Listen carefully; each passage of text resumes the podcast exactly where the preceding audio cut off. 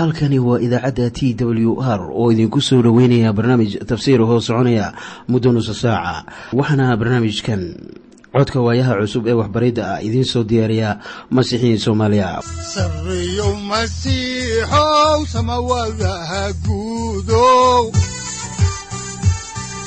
Siraadkii adduunkow subanaha eebow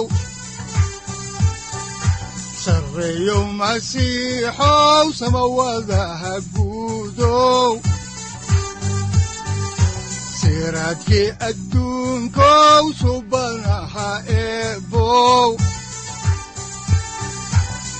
adigoo samada jiro ifkaan soo saldhiganba adigoo samada jiro ifkaan soo saldhiganba kutubtiisanaye wuxunogu saaciiday sharxin sifahaaga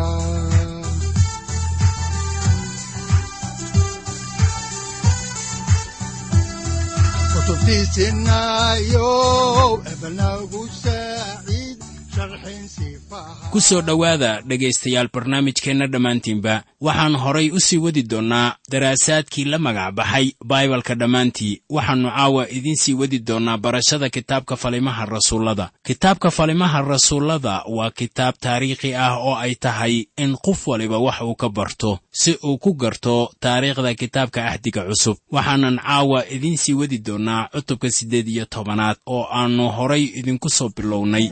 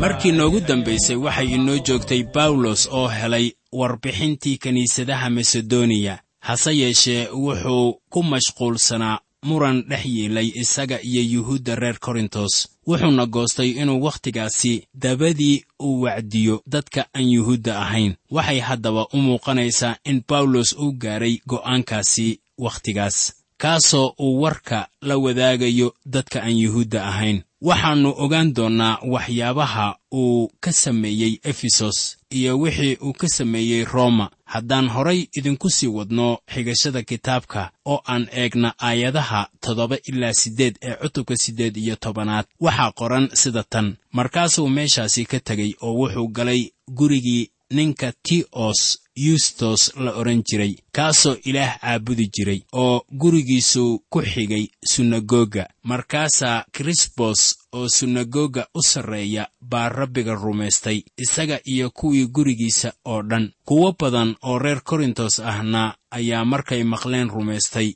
oo waa la baabtiisay. Bawlos wuxuu joogay magaalada korintos ilaa iyo siddeed iyo toban bilood halkaasoo uu howlo culus ka qabtay markii yuhuuddu ay ku mucaaradeen wuxuu u soo jeestay dadka aan yuhuudda ahayn. Waxaan iminka arkaynaa in sayidka uu la hadlayo bawlos waayo guul buu ka soo hooyin doonaa safarradiisan. Haddaan horay idinku sii ambaqaadno xigashada kitaabka ayaannu eegaynaa kitaabka falimaha rasuullada cutubka siddeed iyo tobanaad aayadaha sagaal ilaa toban. Waxaana qoran sida tan. Haddaba rabbiga ayaa wuxuu bawlos habeennimo riyo ku yidhi ha cabsanin laakiin hadal hana aamusin. Maxaa yeelay anaa kula jooga. Ninna kuma dhici doono inuu wax ku yeelo waayo dad badan baan magaaladan ku leeyahay. Korintos waxay ahayd meel aan la malayn karaynin in sayidku uu ka helo dad badan. Haddii aad timaado goobaha tumashada ayaad la yaabaysaa in qof ka mid ah kuwa tumanaya uu ka fakarayo ilaah laakiin haddii sayidku uu igu yidhaahdo magaaladan waxaan ku leeyahay dad fara badan bilxaqiiqa su'aal ka keeni maayo laakiin waan aqbalaya. Haddaba bawlos wuxuu joogay korintos ilaa iyo qadar. Waxaanan hubaa inuu magaalada la yaabanaa. Waxaan hubaa markii yuhuuddii ay mucaaradeen wuxuu diyaar u ahaa inuu ka tago oo uu aado meel kale. Markaana sayidka qudhiisa ayaa hawsha soo galay oo wuxuu ku yidhi bawlosow magaaladan dad baan ku leeyahay. Haddaan horay idinku sii ambaqaado xigashada kitaabka ayaa waxaa qoran aayadda kow iyo tobanaad ee cutubka siddeed iyo tobanaad ee falimaha rasuullada sida tan. Meeshaasna sannad iyo lix bilood ayuu joogay oo wuxuu dhexdooda barayay hadalka ilaah kadib markii bawlos uu bilo badan howshiisan wacdiska u joogay korintos ayaa waxaa soo baxay mucaarad haddaan horay idinku sii wadno xigashada kitaabka falimaha rasuullada aayadaha laba iyo toban ilaa saddex iyo toban ee cutubka siddeed iyo tobanaad ayaa waxaa qoran sida tan. Laakiin golkii gaaliyo ahaa taliyaha akhaaya yuhuuddii oo isku qalbi ah baa ku kacday bawlos oo waxay hor keeneen kursigii xukuumadda. Iyagoo leh ninkan wuxuu dadka yeelsiinayaa inay ilaah u caabudaan si sharciga ka gees ah. Haddaba kursiga xukuumadda waa kursiga loogu yeedho kan sallaxa ah. Waa kursiga kan bawlos uu kaga hadlayo warqaddiisii uu ku qoray reer korintos. Haddaba waxay bawlos hor keeneen kursigaas xukuumadda. Markaasay eedeeyeen markaana uma jeedaan in bawlos uu ka hor yimid sharcigii reer rooma ama kii reer korintos waxaase ay ula jeedaan inuu ka soo hor jeedo sharcigii nebi muuse. Haddaan horay idinku sii wadno xigashada kitaabka ayaannu eegaynaa aayadaha afar iyo toban ilaa toddoba iyo toban. Waxaana qoran sida tan. Laakiin kolkii bawlos uu u dhowaa inuu afkiisa kala qaado ayaa gaaliyo yuhuuddii ku yidhi kuwiinnan yuhuudda ahow xaajadii hadday tahay xaqdarro ama xumaan shar ah sababtaas waan idinku dulqaadan lahaa laakiin hadday yihiin su'aalo ku saabsan hadallo iyo magacyo iyo sharcigiinna idinka qudhiinnu fiiriya maxaa yeelay anigu dooni maayo inaan waxyaalahaasi xaakin u ahaado. Markaasuu iyagii ka eryey kursigii xukuumadda. Kolkaasay kulligood waxay qabteen sostenes oo sunagoga u sarreeyey wayna ku garaaceen isagii kursigii xukuumadda hortiisa. Gaaliyona dan kama gelin waxyaalahaasi. Waxaan akhriyey mufasiriin qaar badan oo eedaynaya ninka gaaliyo la yidhaahdo oo waxay ku eedaynayaan inuu yahay nin aan dareen lahayn oo xaakin ahaa. Waxaanse idinku leeyahay ninkanu wuxuu ahaa ninkii ugu horreeyey oo go'aan ka soo saaray kala saaridda dawladda iyo kiniisadda gaaliyo wuxuu ku yidhi wixii diin ku saabsan ama la xidhiidha waa in yuhuuddu ay go'aan ka gaaraan. Wuxuu gacmaha la laabtay xaajadan. Markaana gaaliyo nin xun ma ahayn. Wuxuuse kala saaray un dawladda iyo kiniisadda wuxuu diiday inuu farageliyo bawlos wacdiskiisa magaalada korintos. Waayo isagu wuxuu ahaa xaakin reer rooma ah oo wuxuu hirgelinayaa sharciga reer rooma. Korintos waxay ahayd magaalo xor ah oo lahayd xorriyadda diinta maadaama xaalku uu quseeyo diin ayuu iyaga weyddiistay inay taasi go'aan ka gaaraan. Waana dow inaannu faragelinin wax aan howshiisa qusaynin. Waxaa muhiim ah haddii la helo dawlad loo dhan yahay oo soomaalidu ay isku raacdo in sharciyadooda ay ku soo daraan xorriyadda diinta. Waayo taasu waxay muujinaysaa inay bilxaqiiqa yihiin dad horu maray iyo inaanay ahayn. Waddamada ay iminka soomaalidu ku nool yihiin ee shisheeyaha ah ee ay qaxootinimada u tageen ayaan marnaba laga hor istaagin inay siday doonaan ilaah u caabudaan. Waxaana taasi sabab u ah in dawladaha ay qaxootinimada ula joogaan ay rumaysan yihiin xorriyadda diinta. Marka soomaaliyana waa inay adduunweynaha tusaan inay kala saaraan diinta iyo dawladda waxaan markaasi u baahannahay in xaakinnadeennu ay ku daydaan ninkan la yidhaahdo gaaliyo oo dantiisu ay ahayd oo qura meelmarinta sharciga dawladda uu mas'uulka ka yahay.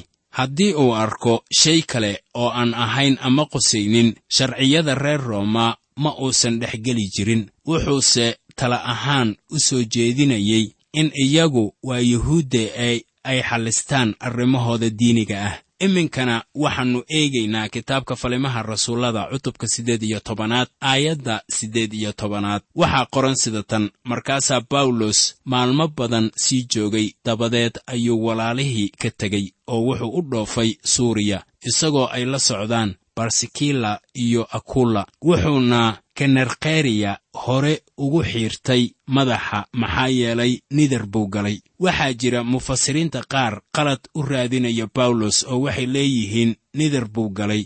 Inkastoo uu innagana inagu leeyahay sharciga kuma hoos jirno oo waxaannu ku hoos jirnaa nimcada markaana ma ahayn wax loo baahan yahay inuu nidar galo. Haddaba kuwa sidaas leh ayaa sharci u samaynaya bawlos dadkaasu waxay leeyihiin bawlos waa inuu sideenna oo kale ahaado. Saaxib markii aannu ku hoos jirno nimcada oo aad doonayso inaad nidar gasho waad geli kartaa. Haddii aad doonayso inaadan nidar gelin haddii aadan doonaynin inaadan nidar gelin haddana qasab laguguma amrayo. Markaana bawlos cid kale oo uu qasbayo ma lahan si uu nidar ku galo oo wuxuu doonayaa inayan nidar gelin. Hase yeeshee haddii uu isagu doonayo waa qushigiisa oo waa uu geli karaa. Taasina waa xorriyadda ay leedahay nimcada ilaah maanta. Waxaa jira kuwo quduusiin iska dhigaya oo waxay leeyihiin ma ahan inaan sidaas iyo sidaas yeelno. Waxaan idinku leeyahay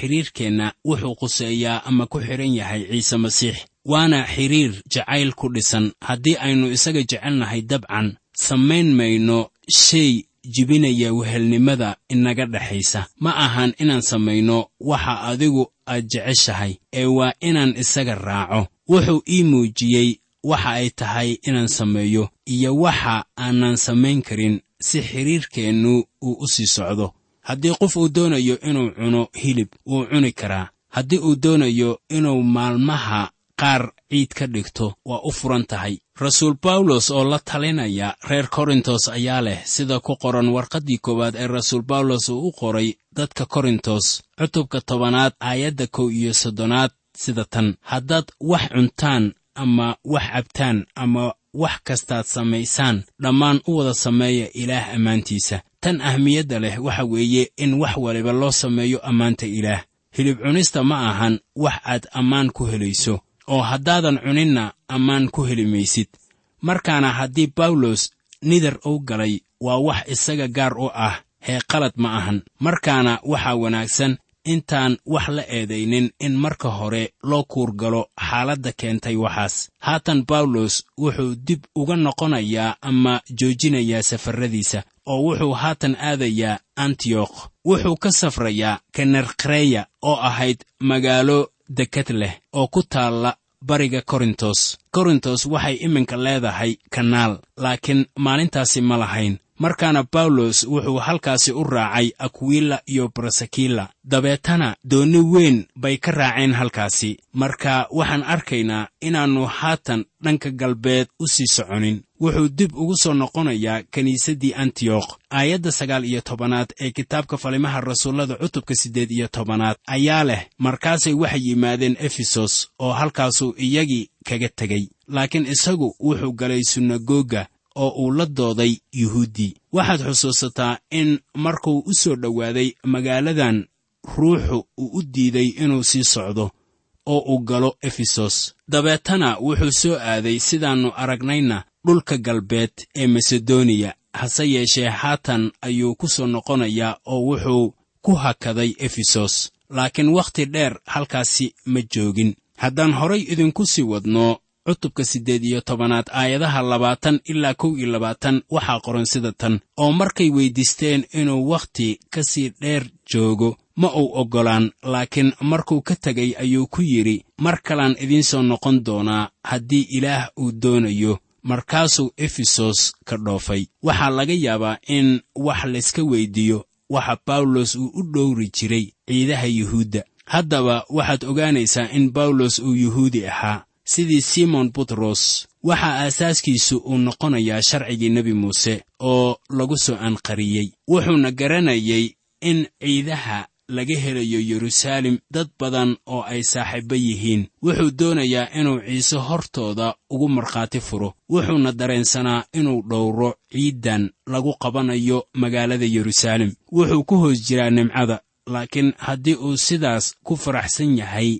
isagaa shaqo isku leh. Haddaba wuxuu arkay in fursado waaweyn oo looga markhaati furo sayidka ay halkaasi ka jiraan. Wuxuu lahaa niyad ah inuu warka injiilka ku wacdiyo isagoo meelo dhaadheer u aadaya. Wuxuuna doonayaa inuu mar kale ku soo noqdo efesos. Efesos waxay ahayd magaalooyinka ugu waaweyn ee reer rooma haddaan horay idinku sii wadno xigashada kitaabka aayadda laba iyo labaatanaad ee cutubka siddeed iyo tobanaad ee falimaha rasuullada waxaa qoran sida tan. Oo markuu kaysariya ku soo degay ayuu wuxuu u aaday u salaamay kiniisadda markaasuu antiyokh aaday wuxuu ka soo degay kaysariya. Kaysariya iyo yaafaa ayaa waxay ahaayeen magaalooyin dekada leh oo waxaa qofku xagga dhulka uu uga soo safrayaa yeruusaalem wuxuuna bawlos soo aaday magaalada yeruusaalem wuxuuna kiniisaddii yeruusaalem u gudbiyey warbixintii wacdiska quruumaha dabeetana wuxuu aaday dhanka waqooyi ee antiyokh waxaana taasu ay soo dhammaysay lugtii labaad ee safarradiisa waxaad ogaataa inaanay wakhti dheer ku qaadanin inuu haddana bilaabo lugtii saddexaad ee safarradiisii quruumaha haddaan horay idinku sii wadno kitaabka falimaha rasuullada ayaannu eegaynaa cutubka siddeed iyo tobanaad aayadda saddex iyo labaatanaad. Waxaana qoran sida tan. Markuu intii muddo ah meeshaasi joogayna wuu ka tegey oo markaasuu meelmeel u sii dhex maray dalalka galatiya iyo farugiya isagoo xertii adkaynaya. Haatan wuxuu bilaabayaa safarkiisii saddexaad isagoo sii dhex maraya dhulka galatiya waxaanan arkaynaa inuu efesos soo gaarayo marka uu ku jiro safarkiisan saddexaad ee wacdiska. Waxaanan arkaynaa inuu efesos soo gaarayo marka uu ku jiro safarkiisan saddexaad ee wacdiska. Wuxuu halkaasi ka wadaa howlo caaqibo leh laakiin waxaa haatan efesos jooga wacdiye kale. Wacdiyahaasi waxaa la yidhaahdaa abollos wuxuuna ahaa wacdiye caan ah oo kiniisadihii bilowgii ka tirsanaa ninkaasu ma ahayn nin caan ah sida bawlos laakiin wax badan ayaannu ka ogaanaynaa haddaan wax badan idinka taabanno ninkan abollos la yidhaahdo ayaannu eegaynaa cutubka siddeed iyo tobanaad aayadda afar iyo labaatanaad. Waxaa qoran sida tan. Haddaba waxaa efesos yimid yuhuudi abollos la odhan jiray oo reer al iskandariya ahaa oo wuxuu ahaa nin hadalyaqaan ah oo qorniinka garasho xoog leh u leh. Haddaba abollos wuxuu ahaa nin yuhuudi ah taasoo macnuhu u yahay inuu horay u ahaan jiray yuhuudi ku dhaqma sharciga. Magaciisu waa giriig oo wuxuu ahaa qowmiyadda yuhuudda ah ee afka giriigta ku hadasha ee loo yaqaano berigaasi helenist oo wuxuu ahaa qowmiyadda yuhuudda ah ee afka giriigta ku hadasha ee loo yaqaanay berigaasi helenist kuwaasoo qurumaha ku kala fidhiidhsanaa ninkanu kuma uusan dhalan waddanka giriigga ama deegaanka masedoniya wuxuuse ku dhashay al iskandariya oo ku taallay waqooyiga afrika. Al iskandariya waxaa aasaasay ama dhisay al iskandarkii weynaa waxaanay ka mid ahayd xarumaha ugu waaweyn ee dhaqanka giriigta. Waxaa halkaasi ku yiilay jaamacad weyn oo waxaanay lahayd laybareriga dunida ugu weynaa wakhtigaasi waana halkaasi meeshii lagu tarjumay nuqligii ugu horreeyey ee kitaabka axdigii hore ee giriigga ahaa waxaa ka dhisnaa magaalada al iskandariya macbud. Xarunta ugu weyn ee kiniisadda ayaa waxay noqotay al iskandariya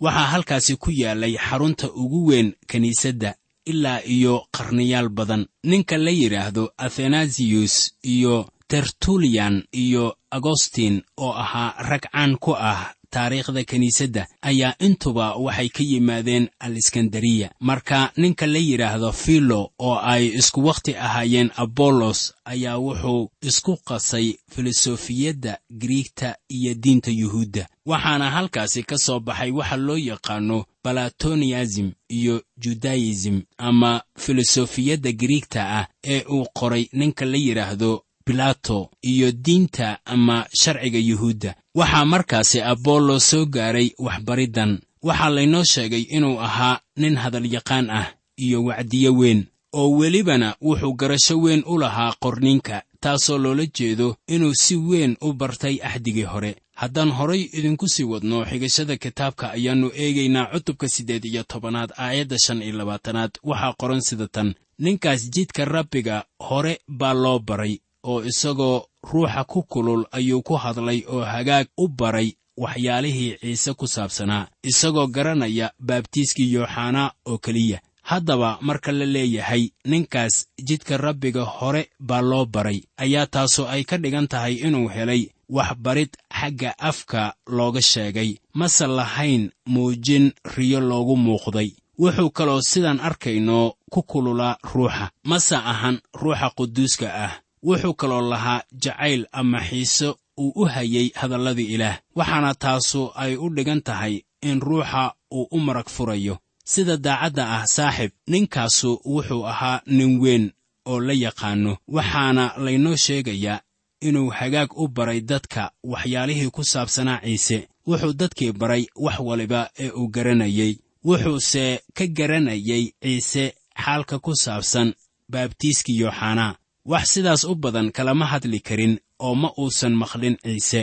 Haddaan horay idinku sii wadno xigashada kitaabka ayaannu haatanna eegaynaa cutubka siddeed iyo tobanaad aayadda lix iyo labaatanaad. Waxaana qoran sida tan oo wuxuu bilaabay inuu geesinimo kaga dhex hadlo sunagoga laakiin barsikila iyo akulla markay maqleen isagii ayay kaxaysteen kolkaasay aad ugu sii caddeeyeen jidka ilaah. Waxay abollos ku casumeen qadasharaf kadib markii uu wacdiskii dhammeeyey waxay arkeen in waxyaabihii uu ka hadlayey ay koobnaayeen ama xadaysnaayeen markaasay ciise masiix wax ka bareen haddaan horay u sii wadno xigashada kitaabka oo aan eegno kitaabka falimaha rasuullada cutubka siddeed iyo tobanaad aayadda toddoba iyo labaatanaad ayaa waxaa qoran sida tan oo markuu damcay inuu u sii dhaafo aqaaya ayaa walaalihii dhiirro geliyeen oo waxay xerta u qoreen inay soo dhoweeyaan isagii. Markuu yimidna aad buu u caawiyey iyagii kuwaasoo nimco ku rumaystay. Abollos wuxuu ahaa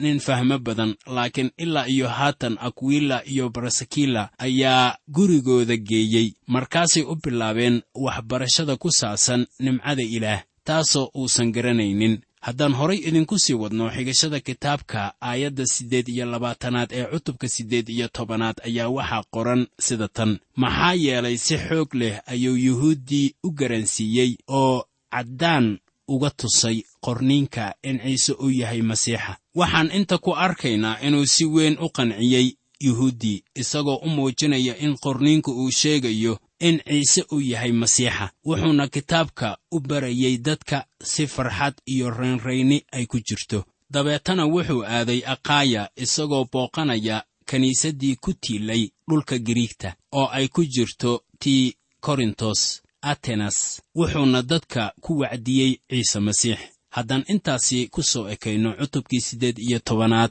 ayaannu si toos ah u abbaaraynaa cutubka sagaal iyo tobanaad ee kitaabka falimaha rasuullada. Haddaba mawduuca cutubkan sagaal iyo tobanaadii wuxuu ka kooban yahay ama quseeya lugtii saddexaad ee safaradii bawlos markaasoo bawlos uu imaanayo efesos.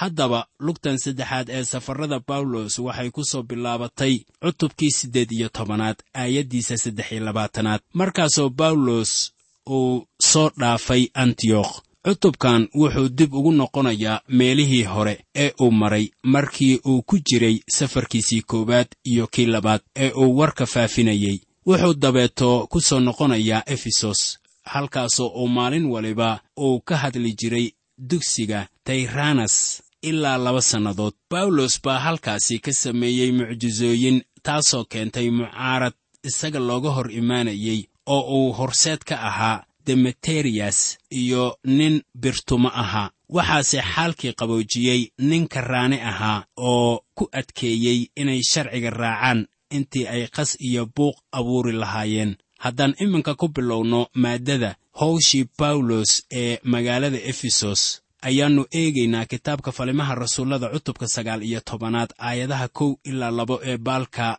laba boqol shan iyo afartan ee ahdiga cusub. Waxaana qoran sida tan.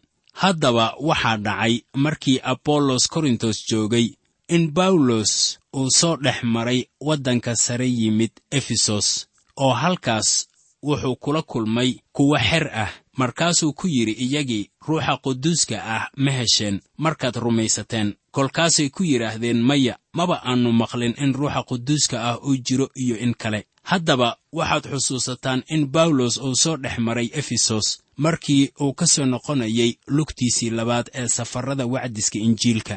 Wuxuuna u sheegay inuu u soo noqon doono haddii ilaah uu idmo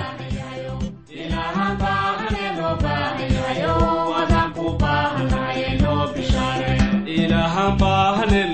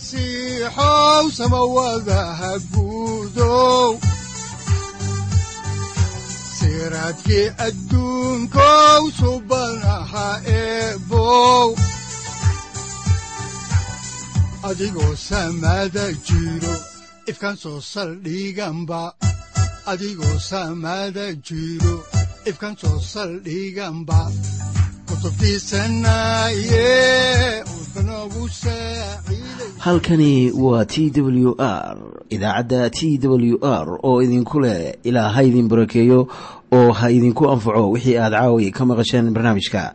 Waxaa barnaamijkan oo kalaa aad ka maqli doontaan habeen dambe hadahan oo kale haddiise aad doonaysaan in aad fikirkiina ka dhiibataan wixii aad caawi maqasheen ayaad nagala soo xiriiri kartaan som t w r at t w r c o k e haddii aad doonaysaan in aad dejiisataan oo kaydsataan barnaamijka ama aad mar kale dhegaysataan fadlan mar kale booqo www t w r o r g. Amase www t t b t w r o r g. Amase waxaad teleefoonkaaga ku kaydsataa ama ku download garaysataa agabyada ku sahli karaa dhegeysiga t w r haddii aad doonayso in laga kaalmeeyo dhinacyada fahamka kitaabka amase aad u baahan tahay duco fadlan fariimahaaga soo mari bogga aaraahda ama kommentska inana jawaab degdeg ah ayaanu ku soo diri doonaa amase ku siin doonaaye sareyow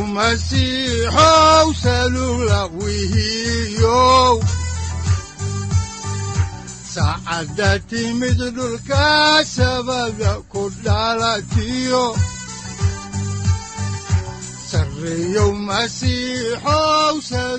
halkani waa t w r oo idiin rajaynaya habeen baraare iyo barwaaqaba leh inta aynu ka gaari doono wakhti aynu ku kulanno barnaamij la mida kan caawayay aad maqasheen. Waxa aan idinku leeyahay nabadda ciise masiix ha idinku badato xagga jidhka iyo ruuxaba. Aamiin